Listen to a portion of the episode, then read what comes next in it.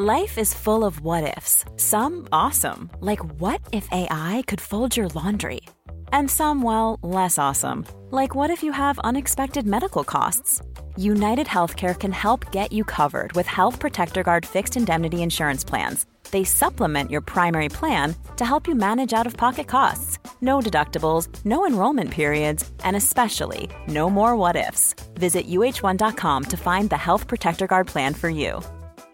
Ready to pop the question? The jewelers at BlueNile.com have got sparkle down to a science with beautiful lab grown diamonds worthy of your most brilliant moments. Their lab grown diamonds are independently graded and guaranteed identical to natural diamonds, and they're ready to ship to your door. Go to Bluenile.com and use promo code LISTEN to get $50 off your purchase of $500 or more. That's code LISTEN at Bluenile.com for $50 off. Bluenile.com code LISTEN. Quality sleep is essential. That's why the Sleep Number Smart Bed is designed for your ever evolving sleep needs. Need a bed that's firmer or softer on either side? Helps you sleep at a comfortable temperature? Sleep Number Smart Beds let you individualize your comfort so you sleep better together. JD Power ranks Sleep Number number 1 in customer satisfaction with mattresses purchased in-store. And now, save 50% on the Sleep Number limited edition Smart Bed for a limited time. For JD Power 2023 award information, visit jdpower.com/awards. Only at a Sleep Number store or sleepnumber.com.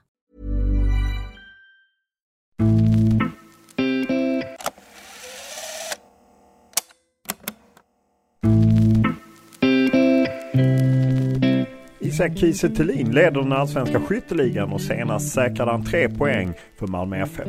När jag poddintervjuade anfallaren i maj 2022 talade Kiese Thelin om vad som lockade med att skriva ett långt kontrakt med Malmö FF. Om förvandlingen som skett av klubben sedan han var där senast. Om att det är rimliga mål att MFF ska vinna titlar och nå Europa. Om munhuggande från 08-klubbarna. Om drivkraften att ta ännu fler titlar. Isak Kiese Thelin berättade även om när han fick be Konjaspor om ursäkt för han valde bort klubben i sista stund. Om åren utomlands med många låneperioder. Om att lära sig bli mer egoistisk. Om att vänja sig vid att bara flytta snabbt och med bara kläder. Om önskan att komma med i landslaget igen. Om att inte ta åt sig av hot och hat. Om att böterna för rasism måste bli högre. Och om den kristna tron som hjälpt honom hantera elitfotboll.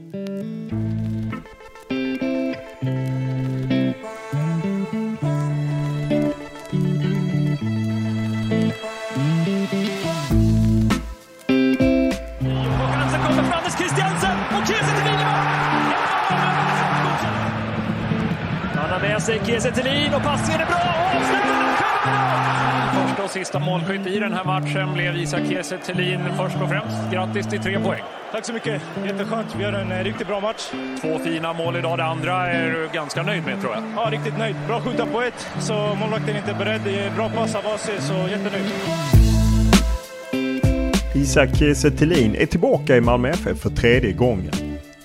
Några händelserika år ute i Europa med flertalet utlåningar och klubbyten valde 29-åringen att skriva på ett långt kontrakt med MFF. Anfallaren har inlett övertygande även om klubben varierat prestationerna och en skada stört honom. Under maj månad väntar nu fyra matcher i Stockholm varav en är cupfinalen mot Hammarby. I podden pratar vi om rivaliteten med framförallt Stockholmsklubbarna och munhuggeriet som sker lagen emellan. Där exempelvis Hammarbys Nair Besara hälsade välkommen med den klassiska frasen “Welcome to hell”. Ja, det, det är kanske kul för han att säga så, men det är ingen, ingen som är, rädd för att åka upp dit heller. Jag tycker det är mest andra som pratar om... Jag tycker, jag tycker inte det är vi som pratar så mycket. Vi, och jag tror de också vet eh, att våran trupp är, är den, den bästa på pappret liksom i Sverige, men eh, det, det är kul ändå när det blir lite snack och så, men jag tycker främst det kommer i så fall där, där uppifrån. Vi pratar såklart om de många åren ute i Europa där framgångarna varierade och anfallaren fick lära sig den hårda vägen att det handlar mer om att göra mål än att kanske bidra till en stark laginsats. Och att det ibland är mer än bara kvalitet som styr laguttagningar. Jag kan tycka lite när, ibland när jag hör om ja, oftast svenska spelare som kommer ut att de är lite chockade över det. För det är inte så det fungerar i Sverige utan i Sverige är det oftast att ja, den som gör det bäst, han, han spelar. Men det, det är någonting som man måste lära sig snabbt att så funkar det. Det är inte, det är inte lika för alla. Och, eh, ibland så har du tur och då har du en tränare som har hämtat in dig och då, då mår du jättebra och tycker det är kul. Kiese Thelin är ovanlig i svensk fotboll sett till att han öppet talar om betydelsen av sin kristna tro. Och han är inne på att den hjälpt honom att hantera elitfotbollens prövningar. Otroligt, otroligt mycket. Eh, jag brukar säga, jag vet inte hur de som inte tror klarar det. För det, det hjälper, för mig i alla fall, väldigt mycket att eh, när det till exempel går tungt att där, där har det hjälpt väldigt mycket att man eh, liksom vänder sig till, till sin tro, till Gud och, och tänker och, och ber att det kanske det här hände för en anledning och sen så som vi sa så exploderade det ett år sen, under ett år till exempel och då, då känner man att det kanske var därför. Podden är såklart mycket mer än så här. Vi pratar om kontakten med gamla U21-polaren John Guidetti angående den potentiella övergången till AIK. Om den kommande cupfinalen mot Hammarby och Malmös kuppspöke. Om kaoset när Kiese Thelin valde bort Konjaspor i sista stund. Om att han gärna fortsätter i landslaget. Om den turbulenta tiden utomlands med flertalet utlåningar och övergångar. Samt om hans magiska år som började sommaren 2014 och krönte sommaren 2015 med ett EM-guld med U21-landslaget. Men som vanligt börjar vi podden med en faktaruta. Ålder? 29. Bo? Malmö. Familj? Fru och två barn. Utbildning? Eh, gymnasie. Lön? Helt okej. Vad kör du? Volvo. Vad läser du? Eh, Bibeln. Vad tittar du på? Eh, fotboll. Vad lyssnar du på? Eh, allt möjligt. Eh, Afrobeats just nu mycket.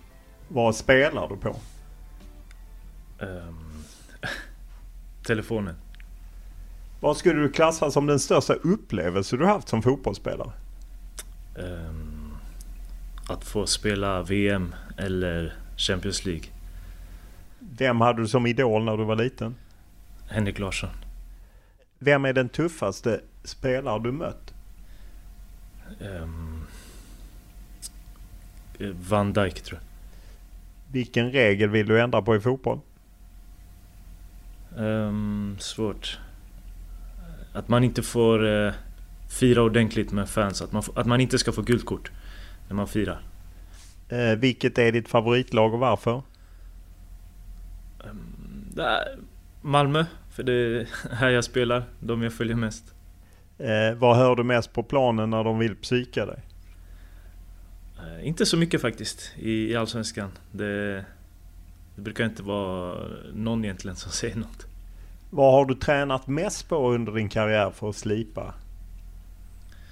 Um, som, som anfallare blir mycket, mycket i boxen. Mycket avslut och så. Vilken tröja är du glad att du har bytt till dig? Um, jag har, har några bra. Um, Mbappé. Frankrike. Fin. Om du tvingas välja ett nytt jobb, vad blir det? Oj. ehm, kanske någonting inom eh, fastigheter.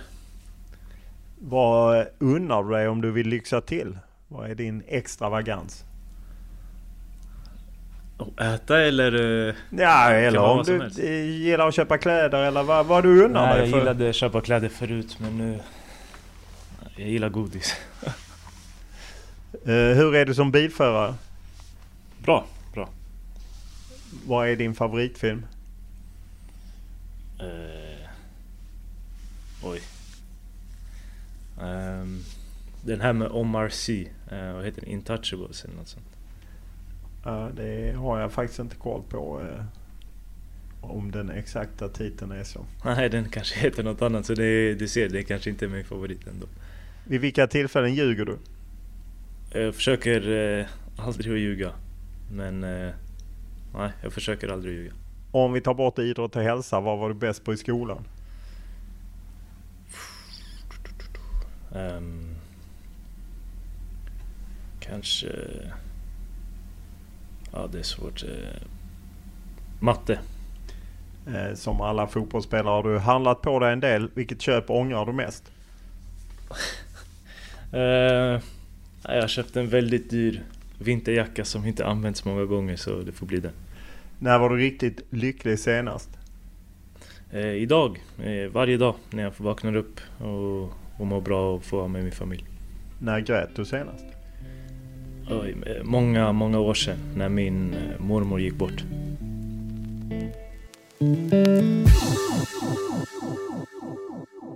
När vi träffats är det ju bara några dagar kvar till Hammarby-matchen. Vilken status är det för dig? Eh, spelar du på måndag? Eller idag som det blir? Vi får se. Jag eh, hoppas det. Eh, vi, jag var ute och kände lite idag. Och, eh, vi siktar på det, men det är många bra matcher som kommer upp så vi får se. Ja, ni har ju många matcher, inte minst cupfinal och annat i, och många besök i Stockholm. Men vad är det som eh, du lider av så att säga skademässigt? Eh, jag fick problem med ljumske, ljumsken högra i, mot Värnamo. Drog ihop sig helt. Så det har inte eh, klingat av helt än. Hur jobbar man med det liksom för att få bort det eller? Eh, nej, man tar mycket behandling och vi har satt upp en plan lite på hur jag ska komma tillbaka. Eh, där jag började i gymmet, kör mycket där och sen nu idag fick jag komma ut äntligen på gräs och, och testa lite lugnt under, eh, med hjälp av en fystränare. Vilken risk finns det att spela skademässigt? Att man kan försämra eller förvärra? Det är lite det vi får kolla.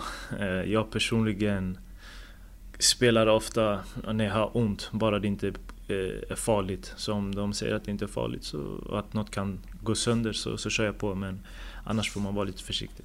Hur mycket tar man eh, Voltaren eller andra typer av tabletter då? Eh, inte mycket, jag tar inte mycket alls sånt. Utan jag har klarat mig bra utan. Du biter ihop helt enkelt? Jag biter ihop, exakt. Hammarby inlett oerhört starkt. Eh, hur ser du på motståndet som väntar? Eh, nej, som du säger, ett bra lag. Eh, absolut. Som eh, har, har gjort det bra. Jag har inte sett någon match, men jag har förstått att de har gjort det bra såklart när jag kollar på resultaten. Men eh, vi, vi fokuserar mest på oss här om jag ska vara ärlig. Och vi vet vad vi kan när vi spelar bra, så då, då ska vi vinna. Eh, om man ser till säsongen, ni har tagit det till eh, cupfinal och eh, ni har ju ja, ömsom bra matcher, ömsom några lite svajare insatser i Allsvenskan. Var, var står Malmö FF? Um, vi, vi, vi har en stark tro på oss själva där vi, vi såklart vet att vi, vi vill vinna och, och ska vinna Allsvenskan. Uh, och den, den nivån har vi absolut. Jag tycker att vi, när vi är på vår bästa nivå, är, är bäst i, i landet. Så det gäller bara för oss nu att komma upp i den nivån uh, så ofta som möjligt. Och det är ofta i de kanske större matcherna som vi, vi är bra. Ja, är det så att jag menar ni, ni slog AIK här hemma med 3-0. Sen var det 0-0 mot Värnamo borta. Mm. Man hade ju trott att ni skulle vinna mot Värnamo. Så tänder man inte riktigt till till Värnamo borta på samma sätt som en match med, med AIK med all den laddning som är? Um, man får gå in lite mer till sig själv tror jag och hitta motivation och, och, och adrenalin. För när man går ut här, som du säger, då då kommer det automatiskt med hjälp, med hjälp av fansen och att det är en stor match. Men uh, det är inte... Det, det, ska, det, ska, vi klara också, absolut. Sen... Uh, ja, jag tror att vi, vi kommer bli bättre och bättre på det och ju längre vi kommer in i sommar så kommer planerna bli bättre och bättre också. Det gynnar oss. Apropå plan, Ola Toivonen var ute och klagade på... Eh, han tyckte det var en plastmatta. Eh, vad är din bild? Du har ju också spelat på Tele2 naturligtvis. Vad är din bild? Nej, min bild är att såklart föredrar, föredrar jag att spela på gräs men eh, samtidigt är jag uppväxt på konstgräs. Så, och det är så det ser ut i, i det här landet där vi bor. Eh, tyvärr. Men eh, det, det är bara att acceptera. Det är samma spelregler för alla. Men det är klart att jag, jag skulle vilja att alla spelar på gräs. Men eh, så som det ser ut så, så blir det svårt. Ni är fyra poäng efter Hammarby. Vad skulle en förlust betyda? Um, Ja, jag, det, det, är klart att det inte det är bra att, att förlora men eh, när jag var här senast så tror jag vi var många poäng efter Norrköping i början och, och ingen serie är slut liksom i, i, nu i april eller maj. Utan det är senare när, när den är slut som... Det är en lång, lång säsong så vi vet Och det har vi erfarenhet av. Men det är klart att vi, vi vill vinna och, och ska göra allt för att vinna. Dryga tre veckor efter ni möter Hammarby i Allsvenskan ska ni upp till plastmattan igen och möta dem i, i cupfinalen. Vad, vad innebär det att liksom spela så tätt in på i serien och sen mötas i en, i en match som avgör en titel? Nej, det är lite speciellt. Eh, det är det. Jag hade, det är klart att det hade varit eh, egentligen bättre att bara mötas på en gång i, i finalen. Men nu får vi känna lite på varandra, eh, se varandras svagheter och sen så...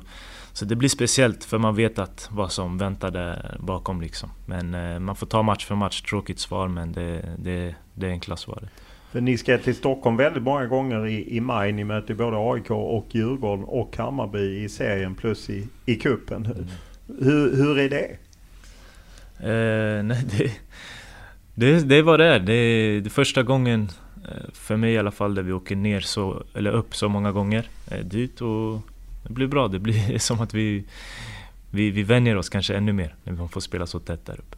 Om ni nu vunnit SM-guld många år, du har ju varit här och tagit ett par titlar. Eh, vad är det med kuppen som gör att det har blivit lite förhäxat och jag gissar att du känner till det inför finalen? Ja, det, det är klart. Det, snack, det snackas om det. gjorde det redan förra, förra gången när vi mötte Göteborg. Um, nej, jag vet inte om jag ska vara helt ärlig. Det, det, det är konstigt att det, det kan ha tagit så lång tid så det är dags för oss att, att avsluta det nu. Men det är, det är egentligen inte något man tänker på på planen tror jag, utan det, det bara händer. Vad betyder titlar för dig? Eh, nej, jättemycket. Det är lika kul varje gång. Um, och jag har haft eh, turen att få många titlar i min karriär och det är någonting man, man inte blir mätt på utan man vill ha mer hela tiden. Så det är, ja, det är höjdpunkten på, på karriärerna liksom, när man vinner någonting. Du säger ju själv att ja, men vi är bästa laget, vi ska vinna. Hur upplever du rivaliteten med framförallt Stockholmsklubbarna är det ju nu som utmanar lite Elfsborg. Men det finns ju framförallt lite munhuggeri mellan er och AIK, er och Hammarby och lite er och Djurgården. Hur upplever du det? Jag tycker det är mest andra som pratar om...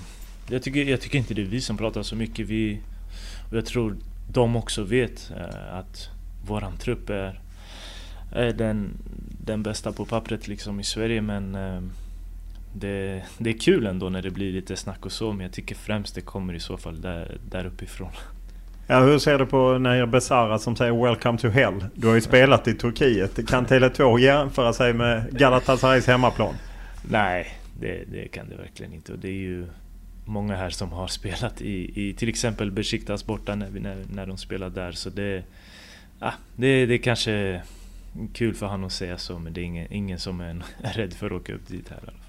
Eh, om man ser att eh, det var ju väldigt nära att John Guidetti kom till AIK, din gamla radarpartner. Man förknippar ju er med U21-landslaget, samma generation och så. Hur mycket snackar du med John?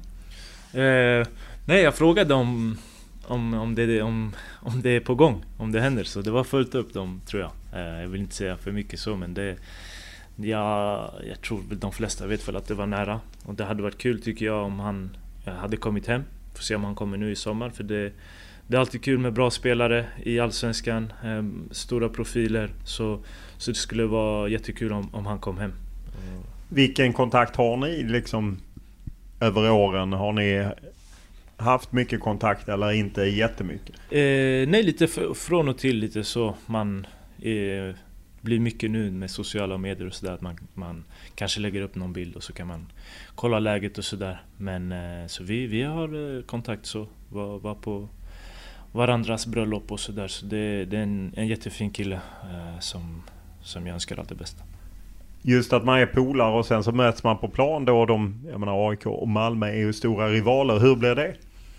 Ja, det, det, det blir speciellt. Innan, i alla fall är jag sån att jag inte vill prata med någon innan under matchen. Utan då är det helt, då är det krig. Och sen så, sen så efter så kan man... När all, allt har lugnat ner sig så, så brukar vi, man snacka. Så ja, några kompisar nu, senast till exempel AIK, så många man har spelat med. Så det var, och det, då är det extra skönt när man vinner också. Ja, typ Milosevic eh, var ju också med i det här U21-landslaget och så. Hur, efteråt snackar ni då alltså? Ja, snackar med, med många. Det kändes som man känner hela laget. Seb, Lustig, eh, Milosevic, Nabbe, um, Jordan också så, och, och Nordfeldt. Så nej, man pratar efter matchen men då är det mer lite allmänt. Man går inte in på 3-0 direkt? Nej, sen är det vissa kanske som inte, inte vill prata och då, då får man respektera det men det beror lite på hur matchen har gått. John Guidetti lär du dock inte stöta på eftersom ni kommer att ha spelat mot AIK de två matcherna. Just att välja att komma hem. Eh, ni är ju både du och John Guidetti, ni har inte fyllt 30 ännu. Hur resonerade du när du skrev ett långt, valde att bryta kontrakt i, i utomlands, flytta hem och skriva ett långt kontrakt med Malmö? Um, nej, jag kände väl lite att där, där jag var så... Ah, man, ja, det, fotbollen är inte, det är inte jättemycket fans på, på arenan och man känner sig inte riktigt, vad ska man säga, alive. Man är inte riktigt... Eh, det är bara... Ja, här, är, här är allt liksom, det brinner, det, det är matcher, roliga matcher, det är många som kollar. Eh, familj, vänner kan ha, kan ha extra koll. Eh, det är enklare för dem att komma på matcherna. Så, och som jag sa innan, såklart vill jag vinna titlar och det, det känner jag att det kan man göra här. Du är ju född i Örebro och sen eh, spelade i Norrköping. Men det är Malmö som är din klubb. Eh, sett till att du kom hit 2014 var det väl och mm. hade stor succé och sen varit här på lån en säsong och vunnit. Det är Malmö som är din klubb helt enkelt? Ja, det har blivit så. Det är här jag haft mina finaste minnen egentligen. Fotbollsminnen eh, ifrån och då blir det att man får en extra fin eh, relation och känsla till, till klubben och staden. Eh, det är klart, när, när det har gått så bra som det har gått. Så det, jag har fina, starka känslor för, för den här klubben och, och det är kul att vara tillbaka. Vad känner du har förändrats kring klubben? Du har ju varit här då i tre olika omgångar. Först den första perioden när Daniel Andersson och Åge Hareide och sen då var du här 2020. Och sen då med Jon Dahl Tomasson och sen nu. Hur, hur har allt förändrats kring klubben? Uh, nej, my mycket mer personal. Mycket mer uh, liksom folk runt kring laget. Där uh, mer videoanalytiker och sjukgymnaster och fystränare. Så det har blivit mer och mer likt um, de europeiska lagen jag har varit i också. Uh, som, som håller hög nivå. Så det, det går åt helt rätt håll. Och det, ja, det blir större och större helt enkelt. Professionellare och professionellare. Hur mycket spelar det roll när du väljer att ta klivet hem?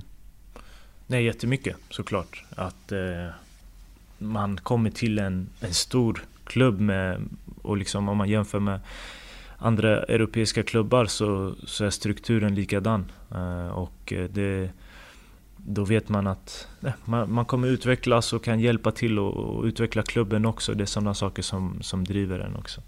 Vad är rimliga mål att sätta på Malmö FF 2022?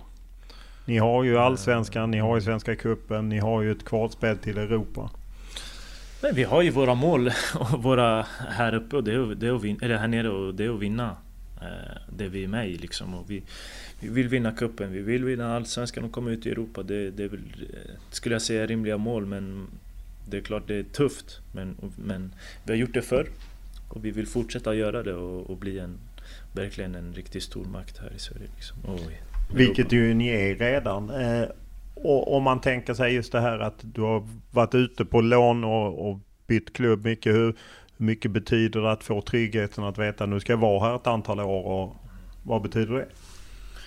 Nej, det betyder också mycket. Det är som du säger, jag har varit på mycket lån, flyttat runt väldigt mycket och eh, det blev... Eh, så det kändes bra. Det känns bra att man, man landar lite någonstans och inte behöver tänka på vad händer efter den här säsongen? Eh, var ska vi bo? Var ska jag spela? Och sådär. Så det, det spelar också in.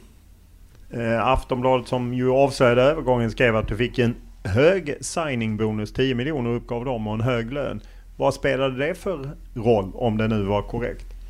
Um, ja, det, jag gillar inte att prata så mycket om det ekonomiska men det är klart att det, det också spelar in som jag säger när Malmö har blivit den klubben den har blivit. Men som jag sa, att det börjar bli mer och mer likt en, ja, de europeiska stora klubbarna. Så då är det klart att det, ekonomiska också går upp. De, vi har kommit mycket i Champions League och sådär och då, då kan de locka till sig fler bra spelare. Är dörren stängd för dig att kliva ut igen? Känner du att nu är jag här för att stanna tillbaka i Allsvenskan och i Sverige? Eh, uh, ja, men så känns det nu. Men sen så har jag lärt mig att man, man ska aldrig säga aldrig, man, man vet inte. Jag vet inte men det, så känns det nu i alla fall och eh, uh, jag, jag trivs jättebra här med, med allt. Så jag känner att det, jag är i en bra, bra, bra form, en bra del av min karriär just nu. Så det, det är bra. När du pratade med Milos Milojevic, vad ser han i dig? Vad vill han ha ut av dig? Eh, så har vi inte riktigt pratat med. Antar Gör man inte det alltid? Men det, det är väl lite det självklara att jag, jag ska vara en målskytt, en, en ledare i laget.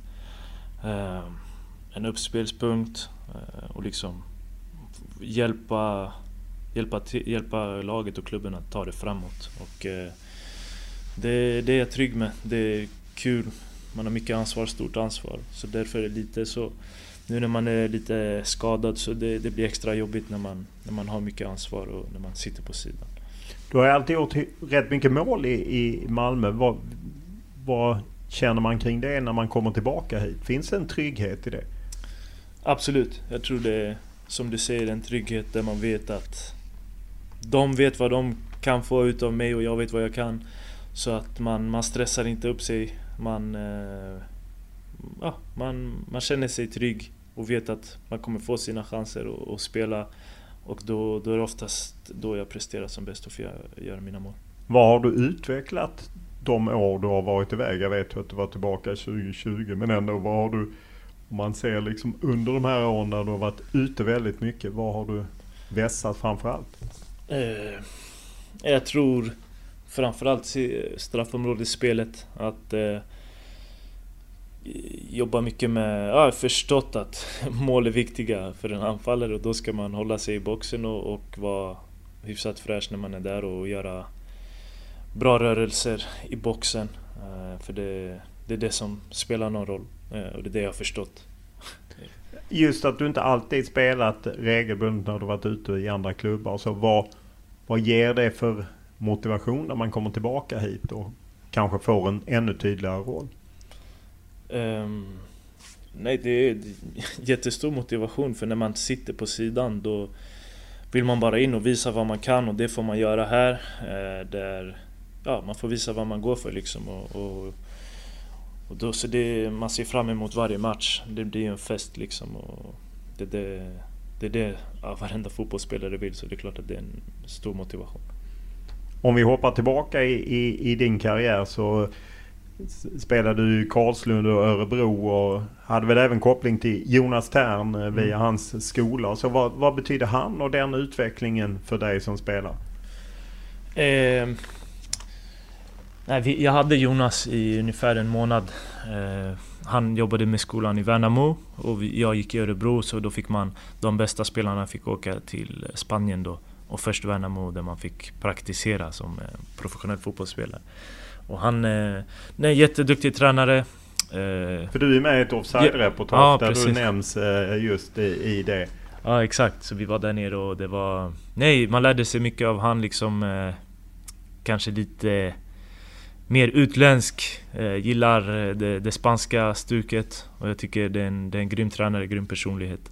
och sen, men som sagt, jag hade han i, i en månad. Så. Då ska man inte överskatta det. Hur, det är ju ändå så att du kom fram i Karlslund. Eh, Örebro SK snappade inte upp dig. Hur, hur, hur, kunde du behålla tron liksom att, att det skulle bli någonting? Um, jag tror det är det som, som är en av mina styrkor, det mentala. Att, att man ligger i när det går tungt. Uh, för jag, som du säger, var jag kvar i, jag var i division 3 då. Uh, och jag var ganska gammal i vissa folks ögon. Liksom, många gick vidare till eh, Allsvenskan eller Örebro SK som du ser. Men eh, nej, jag har, jag har en tro på mig själv och, och vet att man ska kämpa när det går tungt och då, så betalar det sig till slut. Ja, och vad, gjorde du konkret? Tränade du mer eller vad? Eh, tränade, precis som du säger, tränade mer. Eh, och jag tror det när det är tungt, då man, man ska lägga in en nä, nästa växel. Det är det som, som är det svåra. Så man ska inte gå och tycka synd om sig själv utan eh, kämpa ännu hårdare. Och det gjorde jag och till slut kom utdelningen och, och det, var, det var jätteroligt. Hur, hur eh, försörjde du dig? För jag, att, jag gick i skolan då ja. fortfarande. Så jag, när jag tog studenten, då uh, skrev jag på för Norrköping. Så då kunde jag få en liten lön där och bodde i en liten lägenhet. Uh, men det, det, var, det var inga problem. Vad var det som gjorde att uh, Norrköping trodde på dig och, och Janne Andersson som sedermera var där? Mm, jag var där och provtränade två år. på som, två somrar. Så det var Tonna vad heter han? Tony Martinsson. Ja just det, Tony Martinsson. Precis, som nu läste jag blir eh, sportchef tror jag. Där, eh, som eh, hade koll på mig. Jag vet inte om det var Sören Kratz också kanske. Jag vet inte. Men eh, sen så var jag där och provtränade. Och eh, Janne var tränare som du säger båda gångerna och de gillade vad de såg. Och så, så fick jag kontrakt. Så jag var överlycklig.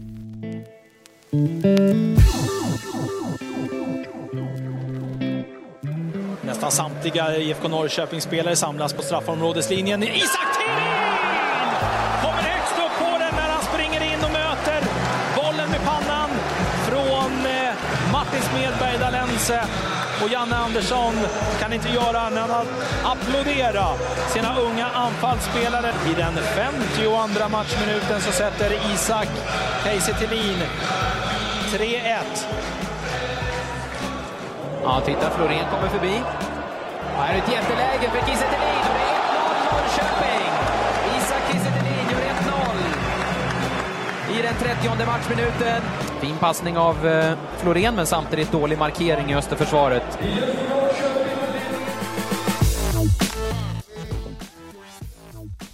Eh, du spelade ju en hel del, gjorde en del mål men det kändes inte som det där enorma genombrottet kom. Hur, hur var de åren i, i Norrköping?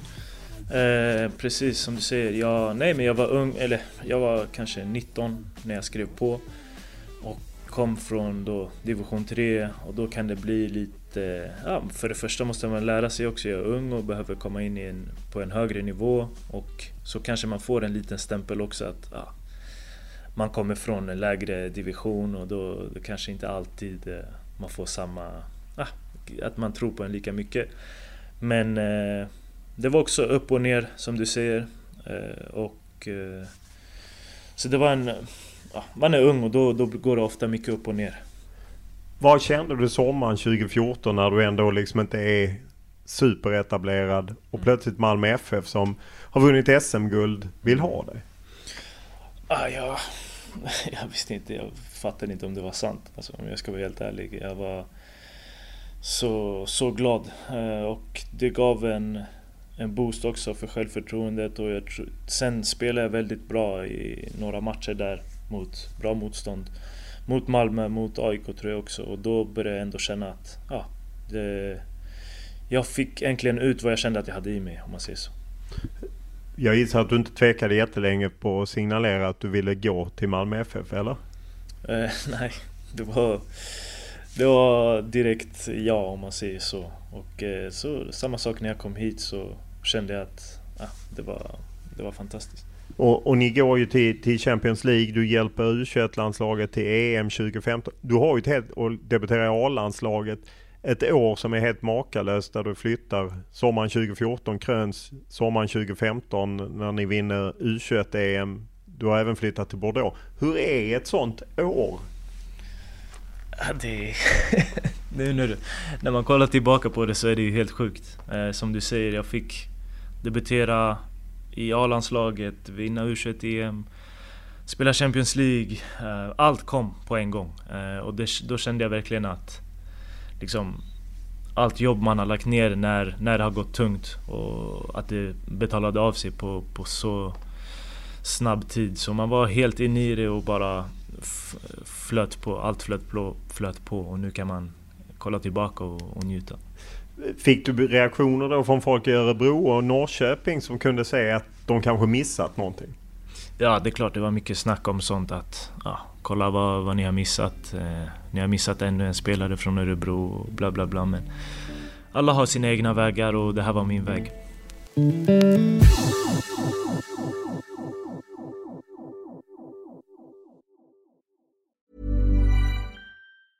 Ready to pop the question? The jewelers at BlueNile.com have got sparkle down to a science with beautiful lab grown diamonds worthy of your most brilliant moments. Their lab grown diamonds are independently graded and guaranteed identical to natural diamonds, and they're ready to ship to your door. Go to BlueNile.com and use promo code LISTEN to get $50 off your purchase of $500 or more. That's code LISTEN at BlueNile.com for $50 off. BlueNile.com code LISTEN. Quality sleep is essential. That's why the Sleep Number Smart Bed is designed for your ever evolving sleep needs. Need a bed that's firmer or softer on either side? Helps you sleep at a comfortable temperature? Sleep Number Smart Beds let you individualize your comfort so you sleep better together. JD Power ranks Sleep Number number 1 in customer satisfaction with mattresses purchased in-store. And now, save 50% on the Sleep Number limited edition Smart Bed for a limited time. For JD Power 2023 award information, visit jdpower.com/awards. Only at a Sleep Number store or sleepnumber.com. One size fits all seemed like a good idea for clothes Nice dress. Uh, it's a it's a t-shirt. until you tried it on. Same goes for your healthcare. That's why United Healthcare offers a variety of flexible, budget friendly coverage for medical, vision, dental, and more. So, whether you're between jobs, coming off a parent's plan, or even missed open enrollment, you can find the plan that fits you best. Find out more about United Healthcare coverage at uh1.com. That's uh1.com.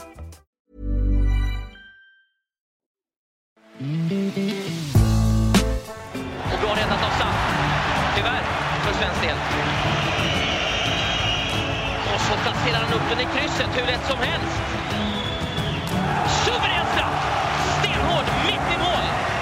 Måste sätta den här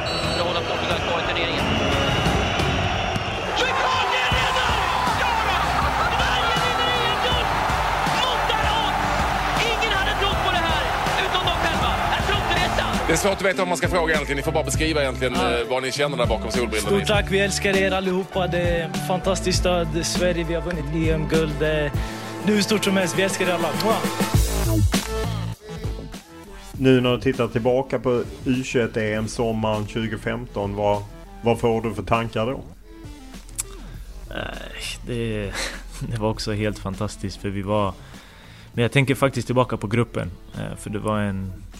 Det kändes som eh, vi var ett gäng kompisar som, som spelade. Eh, Vi var väldigt tajta och eh, det, det var helt sjukt. Det var fantastiskt. Ja, det är ju den bilden man får att ni just var ett kompisgäng Mm. mer än ett, ett landslag på något sätt. Att Ja, man exakt. kanske överskattade det utifrån men man fick intryck av att ni var otroligt tajta. Nej, så var det och det var verkligen tråkigt när vi skulle skiljas. eh, skiljas liksom där vi alla... Man, vi, ja, vi trodde inte, man tänkte att vi kommer inte vara, spe, spela någon gång med en sån här grupp igen. Där man är så tajta allihopa liksom och har så kul tillsammans och, och kriga för varandra på det sättet. Eh, så det var något unikt. Eh, förstår man då när man har haft ett sånt år där allting rullar på, utlandsproffs och vinner och allt det här. Att det kommer kanske inte alltid vara så? Eller kan man inte riktigt ta in det? Jo, det är klart. Eh, så jag försöker alltid vara ödmjuk. För jag vet att om man eh, flyger upp för mycket så, så kan det, man krascha ganska ordentligt. Så man, jag försöker njuta när man är där men ändå liksom kämpa ännu hårdare. Så det är en balansgång som, som man måste ta.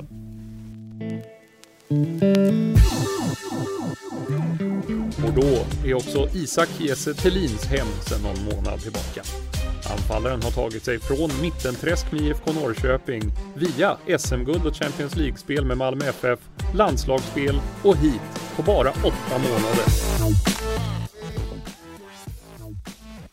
Eh, för om, det är ju inte helt lätt att ha koll på alla dina klubbskiften från att du flyttar till, till Bordeaux då i början av 2015. Stor transfer. Sen är du utlånad till Anderlecht. Anderlecht köper loss dig, lånar direkt ut dig till Vassland. Du lånas ut till Bayer Leverkusen. Du lånas ut till Malmö FF.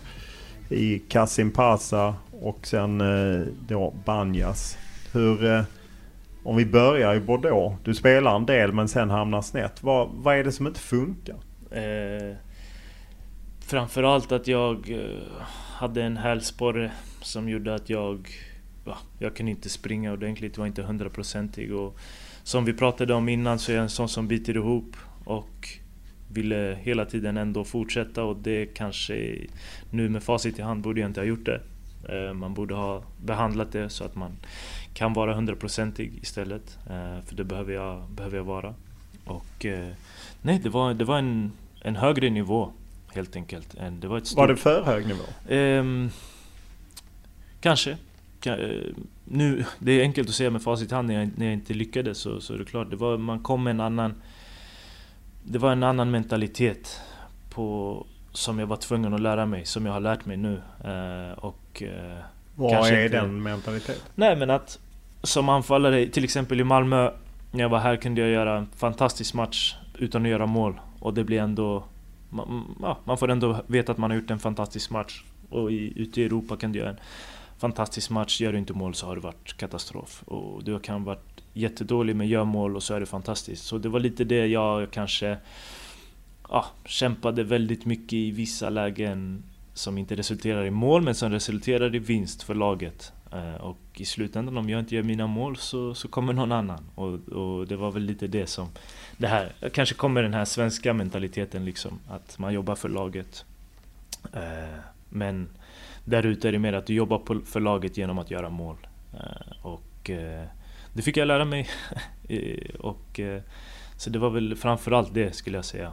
Eh, och sen när jag väl hade lärt mig det så, så, så fick jag inte riktigt chansen i något lag för, förrän i Beveren och då, då betalade det ut sig bra. Eh, man har ju ofta hört från offensiva spelare att det är både tuffare klimat eh, i, i Frankrike och ligan men att det också är en väldigt fysiskt tuff liga för en som anfallare. Hur, hur var det?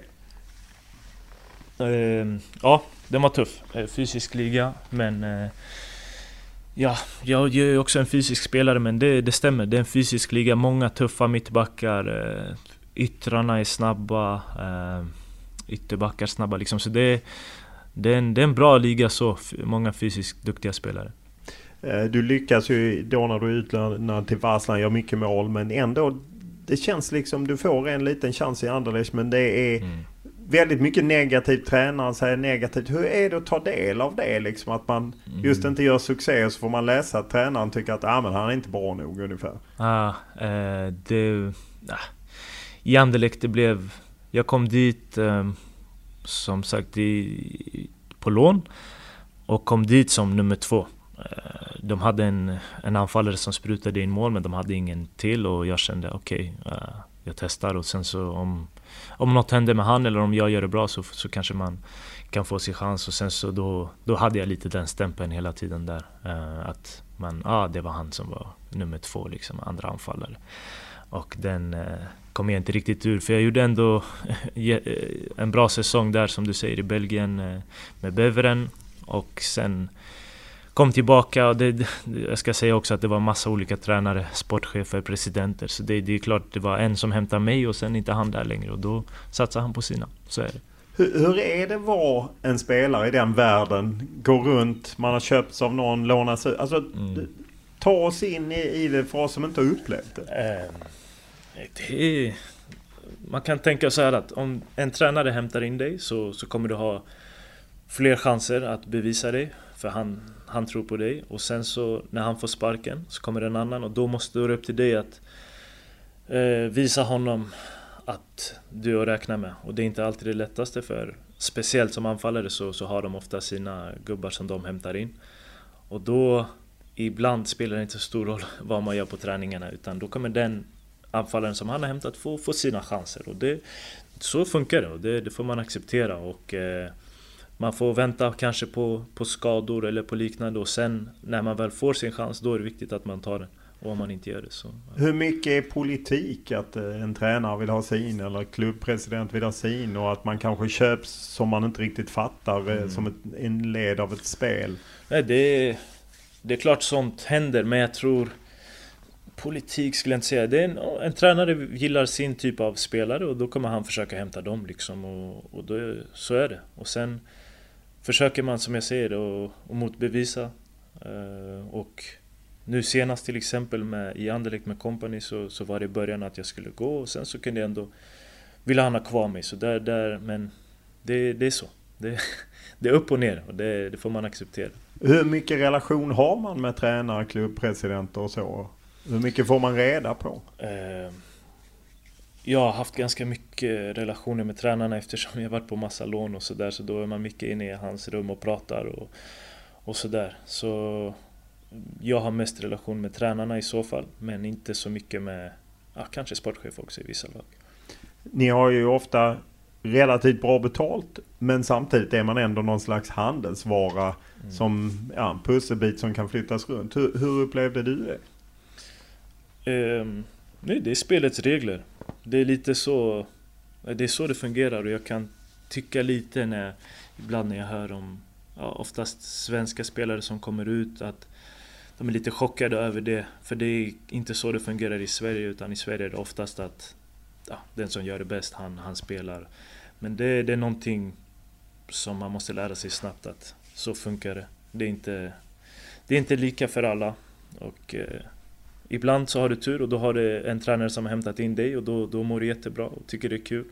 Du vet att du kan spela dåligt men ändå få spela nästa match och sen ibland är du på andra sidan. Så det, det var det. Du blev ju, når ju Bundesliga, det låter ju fint Bayer Leverkusen men det blev bara sex matcher, inga mål. Hur, hur är en sån säsong? Hur håller mm. man geisten uppe? Ja, det är samma sak där. En tränare som hämtar mig. Eh, fick spela i början. Spelade dock, tror jag, alltid i Europa League. Men eh, i Bundesliga som du säger. Och sen så fick han sparken och så kommer det en annan duktig tränare men som gillar en helt annan typ anfallare än mig. Och eh, de som spelade gör det bra. De gjorde det bra. Jag tror vi kom till eh, Champions League. Så du kan bara vara tyst och jobba. Det, det är inte så. Om, om, laget hade gått sämre, då är det en annan sak. Då, då kan man vilja få sin chans. Men när laget går bra, då är det bara att, att ligga i. Men det är klart det inte är roligt. Eh, och när laget spelar match och, och du sitter på bänken, kanske hoppar in några minuter och nästa, nästa morgon ska du träna med resten som inte spelar. Då, det, nej, det är inte roligt. Men nej, måste... Hur håller man geisten uppe? Eh, nej, man, man måste tänka på, jag brukar tänka att nästa, jag måste vara redo för om jag får chansen eller för nästa klubb. Så, och vissa klarar det och vissa klarar det inte. Hur är det att komma in på lån till klubb efter klubb. Nytt omklädningsrum. Nu, hur, hur är den tillvaron? För det är ju annat än att man kommer till någon, nu ska du vara här x antal år. Sen kanske det inte blir så långt, men ändå att man är just en lånespelare. Ja, det, det är speciellt. Eh, men jag blev van med det. För man, man kommer in, jag är ändå där i, i ett år, det är ändå en lång tid också, men eh, man... Som du säger, man måste lära känna nya folk varje gång. Eh, nya relationer. Så det, men det, jag tror jag växt av det som människa eh, och blivit... Ja, det, det är en bra erfarenhet. För ibland kan det ju kritiseras att vissa klubbar har för mycket lånespelare. De brinner inte riktigt för det. De är bara här för att spela för sig själva. Mm. Kan du förstå den invändningen? Ja, på de spelarna som gör så. Jag personligen är inte sån utan jag... Jag som jag säger, jag tränar oftast för min egen framtid och då måste jag kämpa så hårt som möjligt. Men eh, det är klart att man inte ska ha för många lånespelare, absolut inte. Eh, jag tror jag är bäst för, för en klubb att ha så många som möjligt under kontrakt. Men eh, vissa på lån, jag tycker, om de har rätt mentalitet så tycker jag inte det är några problem. Hur stämmer man av med tränare, president, sportchef eller vilka för att veta att de verkligen vill ha en? Ja, man får, man får, får en känsla när man pratar med dem. Eh, om vi säger i... I Leverkusen så kom de ner och, och snackade med mig för de ville se hur jag var som person också. Och då, då märker man ju ändå att ja, det, det är intressant och eh, så man, jag gillar också att prata med tränaren innan. För det är ändå han som ska ta ut laget. Så oftast brukar jag vilja prata med han och så får man en känsla. Hur ofta eh, är känslan fel? Eller hur ofta har det varit för dig att du har känt helvete, här hamnade jag fel? Eh, Nej, det har, det har inte hänt så faktiskt. Eh, det är klart, i, som jag sa, i, i Bordeaux så... I slutet så var jag långt ner i, i facket och då tänkte jag när jag pratade med Anderlechts tränare där han sa att du kommer vara andra anfallare här. Han var ärlig liksom. Han sa inte att du ska vara första utan han sa att du kommer vara andra och jag accepterade att hoppas kunna få min chans och, och, och knipa första platsen sen liksom. Så det, det har varit bra samtal ändå med tränaren. Eh, du har ju familj. Hur är det privat för familjen att flytta runt? Eh, Frankrike, Belgien och förvisso stanna i Belgien men med en annan klubb och sen Tyskland, eh, Sverige, mm. Turkiet. Um, vi har inte haft, eller jo, vi har haft barn nu, två flyttar men de... Eh, det har blivit normalt för, för dem också. Jag vet min fru sa att eh, när vi slutar spela kommer hon tycka att det känns konstigt att bo på ett och samma ställe. Hon kommer, det kommer vara helt nytt. Eh, så, och att hon kanske inte ens kommer gilla att, att, att det är så. Utan vi har blivit lite vana med att flytta runt och vi har fått bo på, på olika ställen, träffat nya människor, nya kulturer. Så vi ser det positiva i det faktiskt. Eh, skaffar man nytt möblemang eller flyttar man med? Nej, vi har flyttat... Eh, vi, vi hyr möblerat överallt. Jag köpte i Frankrike och sen var det mycket att göra med, med att ge bort massa grejer. Så vi bestämde oss för att bara ta med oss kläder. Det blev mycket också i och för sig. Men, eh, så nu är första gången vi köper möbler faktiskt här i Malmö. Ja, för ni köper hus här och ska Aha, liksom precis. sätta bo. Ja. Hur tacklar man språket? Hur, hur, hur, viktigt är det när man liksom går från olika... Eh, det är jätteviktigt. Eh, så jag lärde mig franska när jag var där i Frankrike och kunde ju ta med den då till Belgien. Så det var bra. Eh, för det var första tränaren körde vi med på franska. Ehm, och sen, vad har vi varit mer? Tyskland? Tyskland. Eh, Turkiet? Där, I Tyskland så förstod jag faktiskt ganska bra. Fotbollstermerna förstod jag och jag kunde svara på engelska. Så det, det funkade bra och många pratade engelska såklart. Och sen i Turkiet blev det bara engelska med en översättare som, som var med oss. Eller en tolk som var med. Och, så det, det var bra. Och nu senast så körde jag engelska också, alla kunde. Hur var tiden i, i Turkiet? Man hör ju att det kan vara roligt att spela i den ligan med inramning och allting. Ja, tyvärr var det ju eh, Corona när jag var där. Så jag missade hela den, den grejen tyvärr. Men eh, ligan var pff, rolig, jätterolig för mig som offensiv spelare. Jag tycker det öppnades upp runt minut 60 varje match så kunde det bli mycket chanser och det, det var kul för mig. Eh, eh, bodde i Istanbul, jätte, jättefin stad. Eh, så det var, det var positivt. Eh, du lämnar ju landslagssamling och skulle till Konjaspår och de anklagade din agent för att höjde priset. Vad var det som hände där egentligen? ja, eh, jag åkte dit och på vägen dit så fick jag bud från eh, Banias och jag ville hellre dit.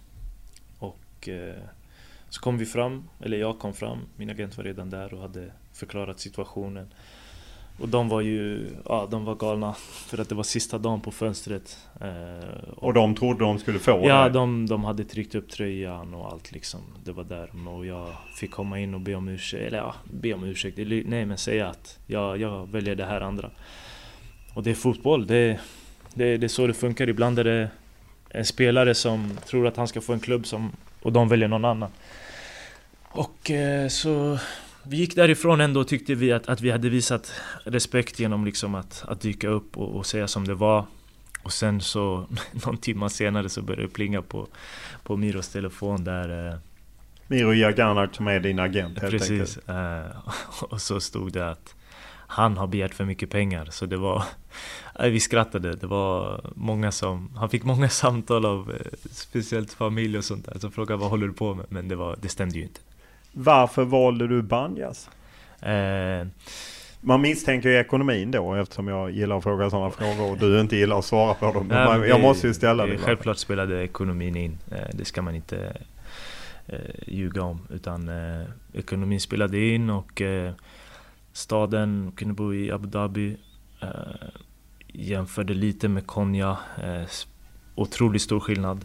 Eh, så jag kände att det, det fick bli det.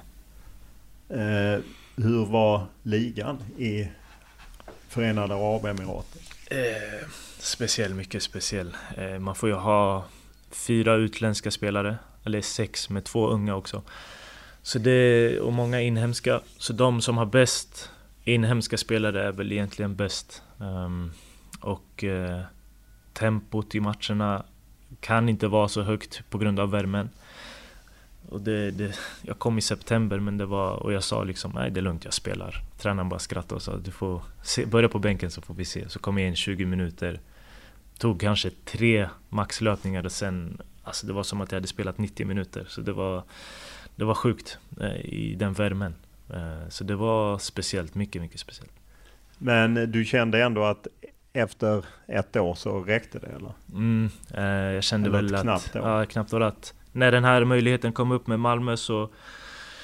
Så kände jag att... Eh, jag ville gärna hoppa på den. För det hade varit en sak om jag var 37 kanske och, och avslutade karriären men jag känner absolut inte att jag är där. Eh, så, så då kände jag att det här blev perfekt. Vilket, jag menar då spelar du för en klubb i Förenade Arabemiraten. Det diskuteras ju mer och mer det här med, jag menar ett VM i Qatar och allting. Vilket ansvar har man som idrottare att man spelar liksom för ett för en klubb i ett land som kanske inte respekterar mänskliga rättigheter, eller gör de inte det fullt ut, och pressfrihet och demokrati och så. Hur, hur ser du på det? Uh, nej, det är, en, det är en svår fråga. Jag tror lite från person till person, men det, det är väl främst kanske politikerna och de som är högt uppsatta som, som ska, ska göra skillnad på de grejerna.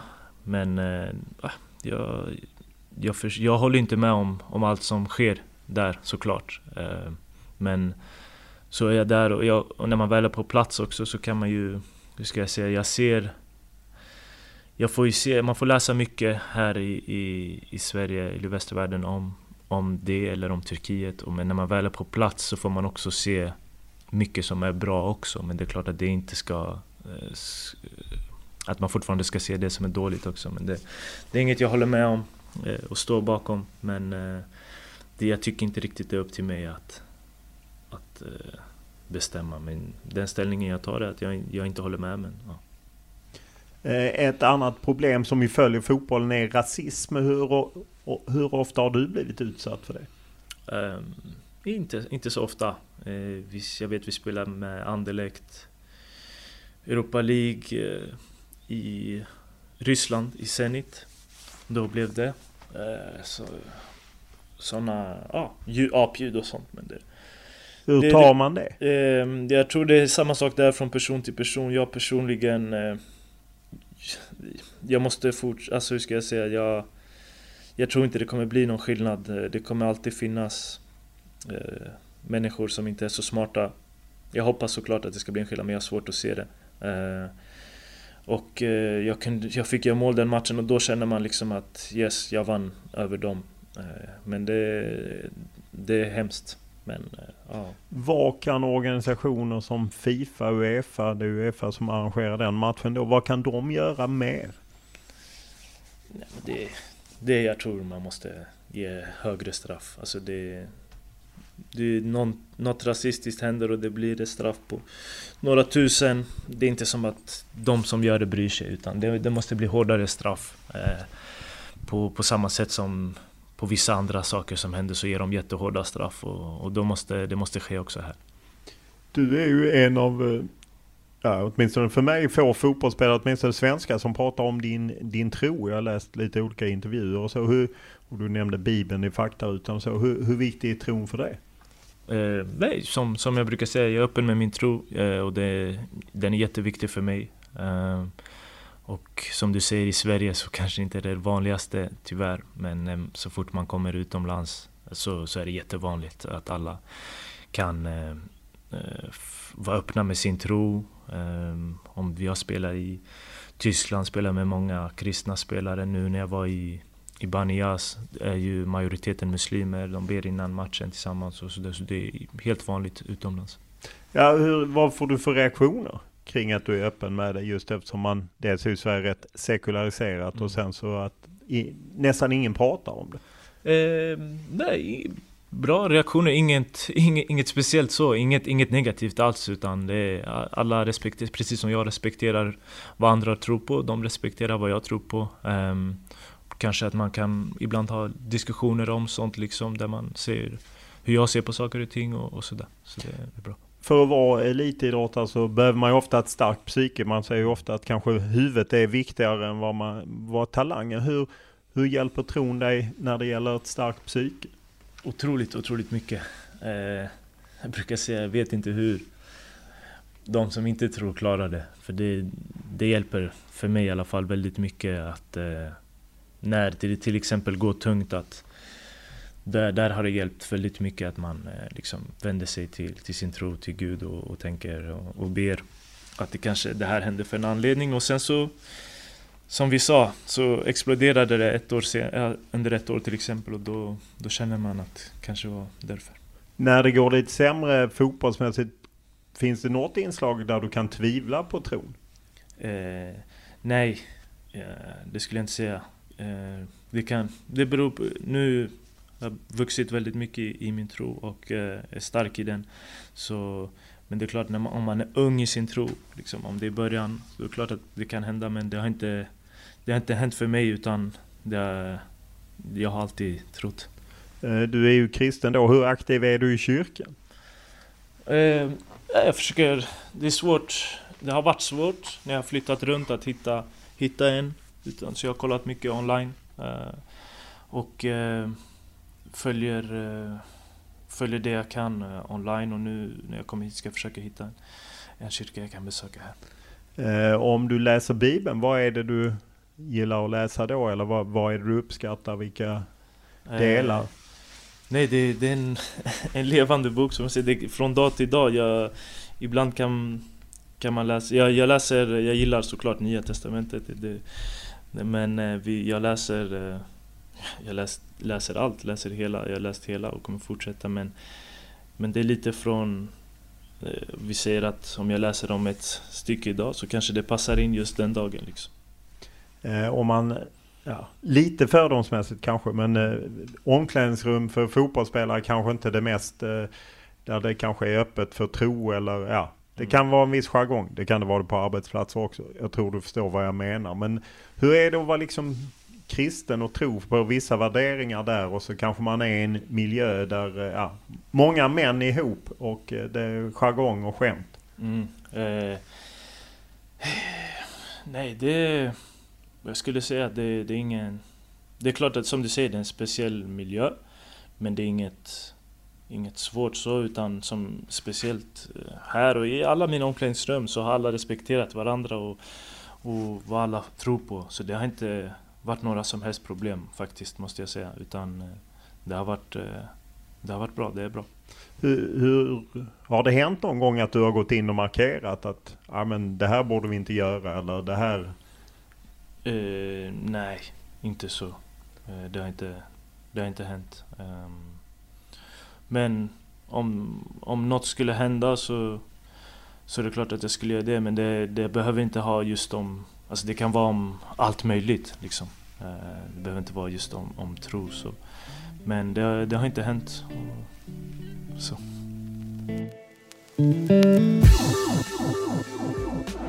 Oj då. Kiese kan han avsluta härifrån. Han skjuter i mål! Isak Kiese där satt den! Äntligen för hans del. Och han gör det helt på egen hand längs kortlinjen. Och jag tror till och med att eh, Kurre Hamrin hade blivit stolt att göra sånt där mål i landslagströjan. Isak Kiese 2-0 för Sverige. Så skönt, man andas ut lite för Kiese skull. I sin tionde landskamp gör han sitt första A-landslagsmål, Isak Kiese Du var ju med i VM-kvalet Grekland borta senast om jag inte har fel för mig. Hur ser du på landslaget? Uh, ja precis, fick vara med där. Um, så skulle jag vara med samlingen efter men eh, skad, hade skadat mig. Och det var tråkigt för jag kände på den samlingen eh, som jag var med i att det gick bra. Jag, var, jag kände mig het. Så ja, jag ser på det att jag måste göra det riktigt bra så, så finns det möjlighet att, att vara med. Men eh, många duktiga anfallsspelare ute i Europa nu så, så det är tuff konkurrens. Eh, det blev inget VM. Hur följde du playoffet? Jag följde det hemma på TVn. Och eh, nej, jättetråkigt såklart. Eh, jag hade hoppats att, att de skulle klara det. Eh, så det var, det var tufft. Jag trodde typ första, efter första 20 eller vad det var så trodde jag att vi kommer vinna med 3-0. Men eh, så blev det inte. Vilken eh, dialog har du med Janne Andersson och Peter Wettergren?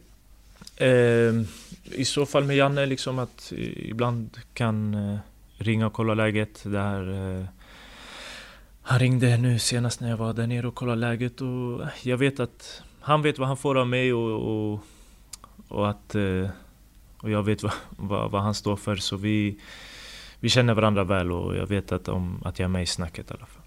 Hur ser du på ett EM som ligger då två år drygt fram i tiden? Eh, så om, om jag får vara med så, så, så vill jag vara där såklart. Ja, vad, vad har det betytt då att vara med i landslaget? Eh, För du var ju med i början, ja, var med precis. i EM och sen fick du starta mycket Nations League hösten 2018. Sen mm. efter det har det varit lite svårare. Ja, eh, det har betytt... Eh, nej, det är en ära varje gång. Det är en dröm sen man är liten liksom att få med i landslaget. Och, och det det är en stor ära och, jag hoppas vara med igen. Ehm, för nu börjar jag, jag känner att jag är i en bra ålder men som sagt, som jag säger, det väldigt många duktiga spelare som, som kommer fram och som spelar i stora lag. Så det är en tuff konkurrens men, men det är en ära varje gång. Ehm, men, men du är liksom sugen på det hela så att säga? Ja, självklart. Ehm, om man eh, ser till att många gör det bra ute i Europa så är känns ju som att det finns inte så många som har din karaktär. Att, eh, ser du en, en plats för, eh, för din spelartyp i eh, landslaget? Eh, ja, det är klart jag ser en plats. Jag vet lite hur, eh, hur Janne och Peter tänker där. Att de gärna vill ha lite olika spelartyper. Och där jag är en spelartyp som, som du ser som kanske inte är lika Dan som de andra. Nu spelar Zlatan fortfarande och han är fantastisk i, i, i det felvända spelet och, och, i allt såklart. Men, men det är väl lite sån typ, eh, target-typ som, som inte finns om han inte spelar. Så det, det gynnar ju mig såklart. Eh, du har ju fyra mål på 32 matcher inga målmässiga siffror man skräms av, men eh, känner du kring att du tillför någonting annat? Lite det här du pratade om i Bordeaux, att, eh, att man tillför något annat än bara mål. Ja, så är det, så är det ju i landslaget absolut, där man verkligen kämpar alltså för att laget ska vinna och där lägger man helt ifrån sin personliga prestige lite. Eh, där man, det blir mycket, mycket jobb i, i defensiven eh, och eh, så länge vi vinner så, så är man glad liksom. Alltså det är en helt annan grej. Det, det är klart man är glad i, i klubblaget också men som anfallare om du inte har gjort mål så, så känns det ändå liksom. Man vill, man vill vara med och hjälpa till på mål. Men eh, i landslaget så, som du säger så är det lite annorlunda. Efter VM-missen så är det ju ändå lite diskussioner kring Janne Andersson. Hur ser du på hans framtid? Är han rätt att ta landslaget framåt mot VM 2024? Eller eh, EM 2024? Ja men han har ju, det tycker jag, men han har ju lagt upp ribban högt för sig själv egentligen. Eh, eftersom vi kom till eh, VM och EM och så, så det är klart. Men jag tycker att han har gjort ett fantastiskt jobb och, och han gruppen känner till, han känner till gruppen som är och liksom och, och får ett lag att, att tänka på samma sätt och kämpa tillsammans. Så, så det tror jag absolut. Eh, om man eh, ser eh, till Nations League i juni, hoppas du vara med då? Ja, ja klart man hoppas vara med. Alltid, det, det, hoppas jag. Men jag vet att det krävs att jag gör det väldigt bra här. Eh, men, och det hoppas jag att jag ska göra. Samtidigt, det är väl en bra grund att ha kommit till en klubb där du vet att antagligen kommer få spela. Räcker allsvenskan för att man ska vara med i, i landslaget? Det är svårare, men vi, vi är en klubb också som siktar på att vara ute i Europa och då då blir det lättare. Och det är klart att det, chanserna ökar om jag är här jämfört med i Banias till exempel. Eh, om eh, då som VM 2018, då var det ju några SEF personer som skrev lite om dig och, och Domas, de bad dig om ursäkt. Hur, hur ser du på det i efterhand? Eh, att alla får ha åsikter om hur man spelar och sådär. Det, det är helt eh, normalt. Men just då kände väl jag att jag eh, kom in i några minuter bara och hade knappt nuddat bollen så jag vet inte vad, vad anledningen var att jag skulle ut. Men eh, åsikter, det, det får alla ha om oss. Eh, men det får inte bli på fel grunder vad det beror på. Liksom. Hur menar du att det var fel grunder? Nej men det var då kände jag lite att ja, eh, är det på grund av att man ser ut som man gör. Men det, det tror jag inte och hoppas jag inte att det var. Absolut inte. Men du fick en ursäkt eller? Uh, ja, jag tror det. Du tror? Det är ju svensk elitfotbolls generalsekreterare Mats Enqvist så att säga. Ja, men eh, som jag sa, det är klart han, han, han ska få ha sina åsikter också. Men sen kanske man ibland när man sitter i vissa stolar, precis som jag när jag, jag representerar Malmö, att man ibland måste tänka sig för lite. Men, men de bad om ursäkt och det är glömt. Jag har förlåtit dem. Det är inte... Äh, förlåtit och förlåtit, det är klart. De, de får tycka vad de vill. Hur är det just att vara en spelare som eh, eller att vara elitspelare. Vi hade ju Göteborgsposten som här veckan hade ju som redovisade, det var ju många allsvenska lagkaptener, bland annat Anders Christiansen, men även många andra som talade om ett hårdare klimat. Hur upplever du det? Ehm, jag tycker det är någonting som, som om jag ska vara helt ärlig, tycker jag det, det, det ingår. Vi, vi är högt betalda. Det är en liksom showbusiness, show. Och vi folk ska få ha åsikter om hur vi spelar och eh, att de tycker att vi är dåliga och sådär. Men sen när det går över gränsen då, då, då är det klart att det, det blir för mycket. Men personligen, ett tips som jag skulle ge till kanske yngre spelare är att om du har spelat dåligt eller något har hänt så gå inte in på sociala medier. För det finns många fega människor som, som gömmer sig bakom namn som inte ens är deras. Eh, ta inte, man, ska, man ska inte kolla för mycket på sånt där utan man... man Förstod du det när du var yngre? Nej, jag lärde mig. När jag kom till Norrköping eh, så var jag 19. Det var helt nytt. Och eh, man läser vad någon sa. Eh, du blir irriterad. Och vissa, vissa kanske kan hantera det. Jag blev arg istället och, och, och kände liksom okej, okay, det här det är inget jag, jag ska fortsätta med för jag blir bara irriterad. Uh, och uh, Så det var en, en målvakt jag spelade med i Karlslund från Gambia, Balla heter han, som sa en gång att när, när det går bra så ska du inte läsa tidningarna för då kommer du tro att du är bättre än vad du är och när det går dåligt ska du inte läsa för då tror du att du är sämre än vad du är. Så det, det är ett smart råd faktiskt. Hur eh, hanterar du, du säger att man ska ändå vi får acceptera det. Hur hanterar du det? Du tittar inte in på sociala medier eller hur? Eh, nej, inte... Det är klart, alltså om, jag, om vi säger att jag har gjort en jättedålig match, då är inte det så att jag går in på sociala medier.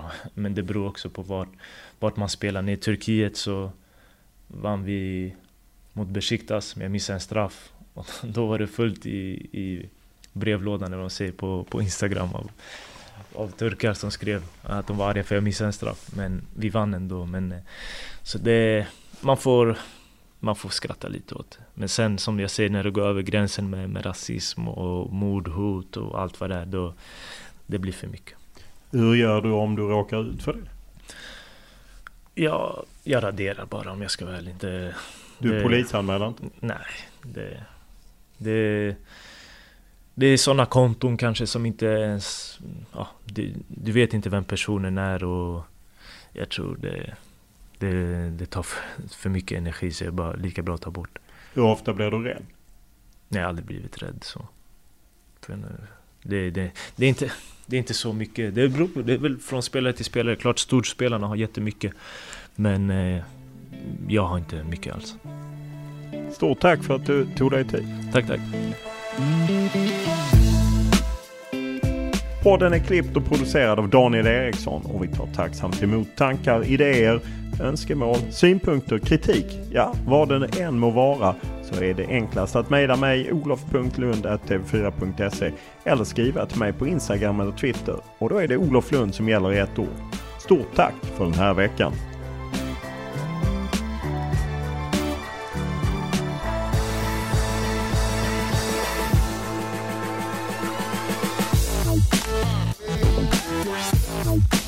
Bye.